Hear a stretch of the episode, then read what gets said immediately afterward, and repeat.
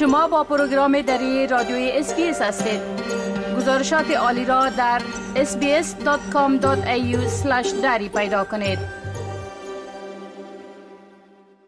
ماریوانا یا چرس درمانی از زمان دراز به این سو برای تسکین درد معمولا در بیماران سرطانی مورد استفاده قرار گرفته است. اما اکنون اولین مطالعه جهانی در مورد استفاده از ماریوانا برای اطفال دارای آرزه روانی آتیزم یا خودگرایی انجام شده که به گفته محققین نتایج امیدوار کننده را نشان داده است. از هر 150 استرالیایی یک نفر به آتیزم مبتلا تشخیص می شود. دکتر جیمز بیست از کالج سلطنتی دکتران عمومی استرالیا می گوید که آتیزم یک اصطلاح گسترده است که برای توصیف مشخصات خاصی که ممکن یک شخص داشته باشد مورد استفاده قرار می گیرد. Those main characteristics are to have uh, challenges in the way you socialise and the way you communicate, and also to have uh, often fixated interests or restricted range of interests, and often associated with um, sensory sensitivities as well. دکتر مایکل فهی رئیس بخش مغز و استخوان اطفال در مرکز طبی موناش در ملبورن است. او اخیرا مطالعه را رهبری کرده که درمان جدید را برای آتیزم با ماریوانا یا چرس بررسی می کند. چارده طفل در این مطالعه 20 هفتهی شرکت کردند. So we did a phase one trial at Monash Children's Hospital in children with autism. And what we found was the treatment showed an improvement across a range of areas, particularly the worrying symptoms of communication, socialization, anxiety, and meltdowns. And we looked at this using a range of validated scales, as well as asking patients and families what worried them the most about their symptoms at the moment. And across the board, we saw an improvement in these areas. دکتر فهیمه گوید که مطالعات بیشتری باید انجام شود.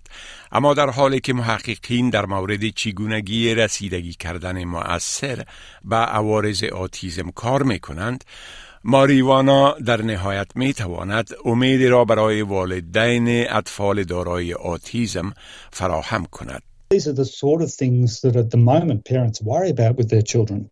No parent wants their child to be anxious or have problems with communication. And it provides hope, I guess, that there's some benefits that may be derived from these treatments going forward in the future.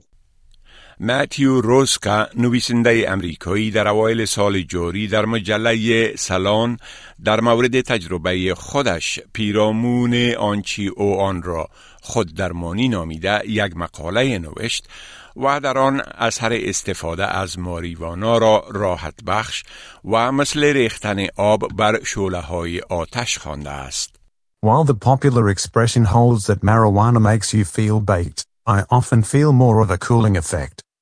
When the experience of being bombarded with stimuli is too much, an iced toke is like water on flames. پیکسی آتیزم دارد و کارمند داوطلب در سازمان ریفریمینگ آتیزم است که هدف آن مبارزه با پندارهای کلیشه‌ای و ارائه معلومات دقیق در مورد تنوع عوارض عصبی است.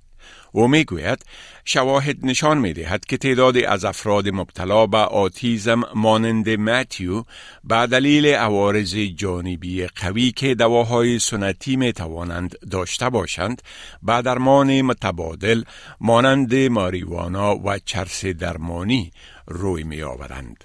things like cannabis are offering an alternative that's got, I guess, minimal side effects and uh, a more natural option that people can try as a way to perhaps make their life easier or, or be more relaxed or help with some of their other co-occurring things, you know, maybe around digestion or, or sleep, those kind of things. اما در مورد استفاده از دواها یا چاره های دیگر برای درمان آتیزم سوالات فراوانی وجود دارند. دکتر بست می‌گوید ما باید در مورد تعریف آتیزم به حیث یک اختلال یا مشکلی که باید با دوا حل شود محتاط باشیم. Is it a difference or is it a disability or is it both sometimes or just one of them sometimes? And so, well, does autism need fixing? Uh, often not. Um, but um, or but do some of the symptoms or or issues that arise with autism, uh, can they be helped with treatments? Sometimes yes.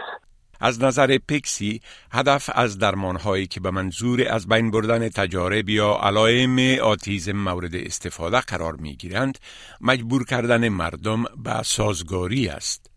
او می گوید که این می تواند منجر به مشکلات صحت روانی شود و زندگی مبتلایان را بهتر نمی سازد. Conformity in any sense and you know so much of conformity comes from, you know, from the patriarchy really. It comes from really rigid standards of what is and isn't acceptable that, that's really not up to date with the diversity of human experience today. You know, we are a diverse society and we, we should accept that and try and make spaces that are comfortable for people with all kinds of different. دکتر فهی گوید که مطالعه او در مورد افزایش کیفیت زندگی برای مردم دارای آتیزم است. These results are important really because people have been looking for treatments that can make some of these worrying symptoms better. We can improve the life of people living with autism. At the moment, there are a range of medications which we use. They often have substantial side effects, including drowsiness, agitation, problems with learning, problems with sleepiness. And what we saw was among the participants in this trial was we saw a benefit in these symptoms without so many of those worrying side effects. گزارش را که شنیدید با کمک دبرا گروک از SBS News تهیه شده بود. می خواهید این گونه گزارش ها را بیشتر بشنوید؟ با این گزارشات از طریق Apple Podcasts، Google Podcasts، Spotify و یا هر جایی که پادکاستتان را می گیرید گوش دهید.